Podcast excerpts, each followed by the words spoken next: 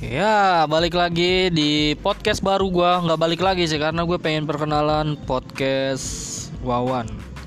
Dan gue pengen ngebahas sesuatu tentang hal-hal yang unik di dalam dunia pekerjaan gua. Ini gua kerja di pelayanan publik nih. Yaitu di salah satu stasiun di Jakarta. Eh, dan sekarang nih 2019 awal-awal nih lagi musimnya virus nih virus-virus kayak virus-virus corona, korone, korono.